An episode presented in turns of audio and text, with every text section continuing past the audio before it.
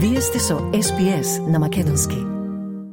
Владата стави подпис на договорот со Американско-турскиот конзорциум, кој ќе ги гради автопатите на коридорите 8 и 10Д. Во свечената сала, каде присутствува и амбасадорите на Турција и Америка, ветија дека ќе градат по највисоки стандарди. Поред премиерот Димитар Ковачевски, конечно земјава ќе добие модерни и европски патишта. Следните 32 години во државата се изградени и пуштени во употреба 186 километри автопатишта. Со овој договор за нецели 5 години градиме 110 километри модерни европски автопати. Разликата е повеќе од очигледна. Бехтел и Енка ќе имат близу 5 години и 1,3 милиарди евра на располагање за да проектираат и изградат комплетно нови автопати во купна должина 110 километри. Годишно ќе се градат просечно по 25 километри, а 1 километар предвидено е да чини 12 милиони евра. Дополнително од буџетот ќе се одбојат и 300 милиони евра пари за експроприација, која ќе се прави паралелно со проектот. За државата нема ништо спорно што надзор ќе прави конзорциум каде во една од фирмите сопственик е Бранислав Димитриевич, лице за кое во Ерменија обвинителството води истрага за криминал. Вице-премиерот Артан Груби на прес рече Само ви молам да не лепите етикети. А, тоа ми беше забелешката и предходно, затоа што ниту ние, ниту вие не сме истражни органи, ниту го знам кој човек е, ниту знам како се вика, ниту знам што направил. Ако има било што што направил, што се спротиви на законот, нека постапат веднаш институциите на државата, веднаш. Договорот е резултат на едномесечните преговори на Бехтел со владините консултанти, предводени од Ирада Инженеринг, кои ќе бидат задолжени и за надзор на работите. Ова ќе чини државата дополнителни 22,5 милиони евра. Дарко Приковски, управител на Ирада Инженеринг, на пресод изјави. Ние, кога склучивме договор, Евроконсалтинг и Електросолусион се нашата локална поддршка и според информациите што ги имавме тогаш и сега, тој човек кој предходно се разговараше не е вклучен во собственичката структура кога ние го склучивме договорот за конзорциум кога ја поднесувам понудата. Ете тоа ви е конкретен одговор. Според планот на 22 април Бехтел ќе биде воведен во работите на делниците Гостивар Букојчани 30,1 км и Тетово Гостивар над 17 км на коридорот 8, како и на делницата Прилеп Битола 40 км од коридорот 10Д. Во декември ќе почнат со работа и на последната делница од Охрид до Чафазан. Сите треба да бидат готови до крајот на 2027 Опозицијата обвинува дека владата неколку пати ги менувала тендерските услови со цел надзорот да го добие фирмата, која според нив е со сомнителен кредибилитет. Претеникот Бојан Стојановски на прес по на ВМРО ДПМН изјави. Јавното обвинителство да не чека и да отвори случај. Владата е на пат да го компрометира целиот процес за изградба на коридорите 8 и 10Д, а со тоа и да не внесе во тежок срам и да внесе во тежок срам фирми со децениско искуство и реноме и уште еднаш да го наруши угледот на Македонија пред светот. Американската амбасадорка во земјава Анджела Агелер, зборувајќи за американската црна листа, рече дека не е само една листа, туку има неколку што се состојуваат во Вашингтон. Корупцијата се случува секој ден и во различни форми, затоа процесот бара внимателно истражување и составување, рече Агелер, предупредувајќи дека во следните месеци ќе се појават едно или две имиња на лица од Македонија. Research into the alleged crimes to ensure that we are not putting someone on a list where they don't belong. And so it is a it's a changing and shifting thing. I think that within the coming months that we will see, uh, see a name or two, um, and that will be a process that continues. It doesn't stop, so it's a continuous one in Washington. За американските санкции кои ќе се применуваат за оние кои ќе се најдат на црната листа, Агелер рече дека ќе има различни видови санкции. There are more than, than one type of sanction uh, that the United States uh, employs. Um, some of those are financial, and, and it is, in my experience and observation, they can be very effective.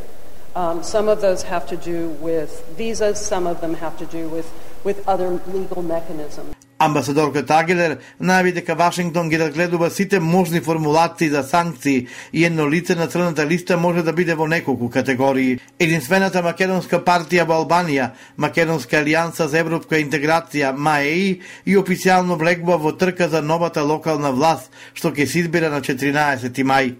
Централната изборна комисија во Албанија објави дека вчера се прифатени барањата за учество на изборите на уште 41 политички субјект и на 4 групи граѓани кои поддржуваат независни кандидати, две за Корча и по една за Тирана и Драч. НАТО ќе продолжи со поддршката на Македонија, се до градење на висока отпорност кон хибридните закани, Експертскиот тим на Алијансата за справување со хибридни напади допатува во Скопје на средба со македонската влада, на која дале насоки како државата да ја зајакне безбедноста. Заменик помошникот генерален секретар за новите безбедности предизвици Джеймс Апатураи порача дека Македонија како членка на НАТО нема да биде оставена сама да се справува со ситуацијата. Поред македонската влада, граѓаните во моментов се безбедни, а безбедностната ситуација стабилна. Целта на хибридниот напад била да внесе во взнемирување, страв, паника и хаос кај граѓаните.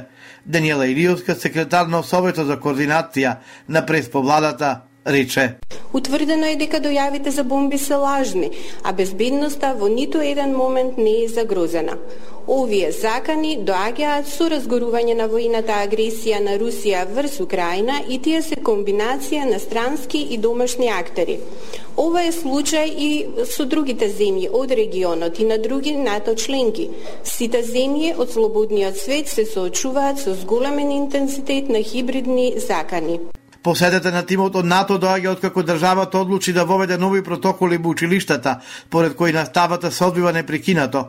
Со новото се прави проценка на ризик, па од сега и натаму ќе се преземаат мерки, но без да се нарушува образовниот процес во училиштата. Веќе трет ден, ниту МВР, ниту Министерството за образование не откриваат дали на мейлинг листата на која се сите училишта стигнале за канувачки пораки. Вице-премиерот Артан Груби завчера на својот Facebook профил објави фотографија со своите колеги од ДУИ како игра баскет и фудбал во неговиот кабинет, на која пишува Dream Team Дрим Тимот, кој беше во канцеларијата на Груби, го сочинуваат актуелните министри Бујар Османи, Крешник Бектеши, Фатмин Бесими и Етон Сири, како и нивниот доскорешен колега Насер Нуредини. Груби вели, нема ништо спорно бидејќи во земјава немало амбасадор кој не се пробал на неговите голови. Пред некој ден, на пример, Словакот беше сега последниот кој што шутираше и вие објавивте, значи во порталите беше. Тоа не беше скандал. Ова денеска е скандал. Ова е таа хистерија за која што зборувам за двојни стандарди, за селективни правди, за измислување на теми, само да се дефокусира од нешто. Значи дојде граначалникот на Тирана, дури со пета даде го. И за премиерот Димитар Ковачевски нема ништо спорно. Вели, кој што сака може да си прави во својата канцеларија. Јас имам колеги премиери кои што имаат кошеви во канцеларија. Јас, на пример, немам, Доколку јас, на пример, сакам да го организирам просторот во канцеларијата во кој што работам на начин на кој што сакам, тогаш ќе го организирам. Начинот на кој го организира просторот во својата канцеларија друг човек, тоа е прашање за него, не за мене. Исто како што вие во вашата канцеларија може да го организирате просторот кај што работите и поминувате најголем дел од времето на начин на кој што вие тоа го сакате. Ваквото однесување на груби предизвика бура од негативни коментари на социјалните мрежи и во јавноста заслугите на Клара Цеткин и Роза Луксембург да бидат водилка во борбата кон поголема рамноправност секој ден, а не само на 8 март, порачаа пратеничките на вчерашната пленарна седница, која за прв пат е посветена единствено за напредување на родовите прашања.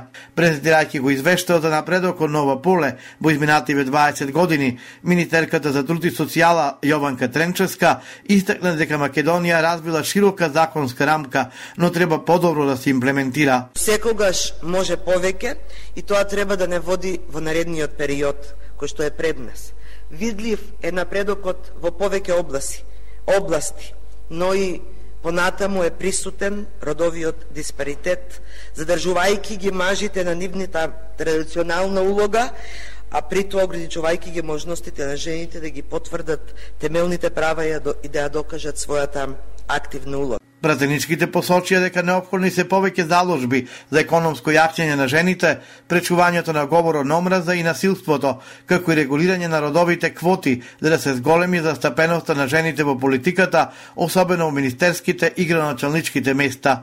Нежана Калеска Ванчева од СДСМ и Гордана Силјановска Давкова од ВМРО ДПМН од парламентарната говорница порача. Природата налага да имаме машко-женски свет. Но природата налага дека ништо во светот и во природата не е возможно без симбиоза.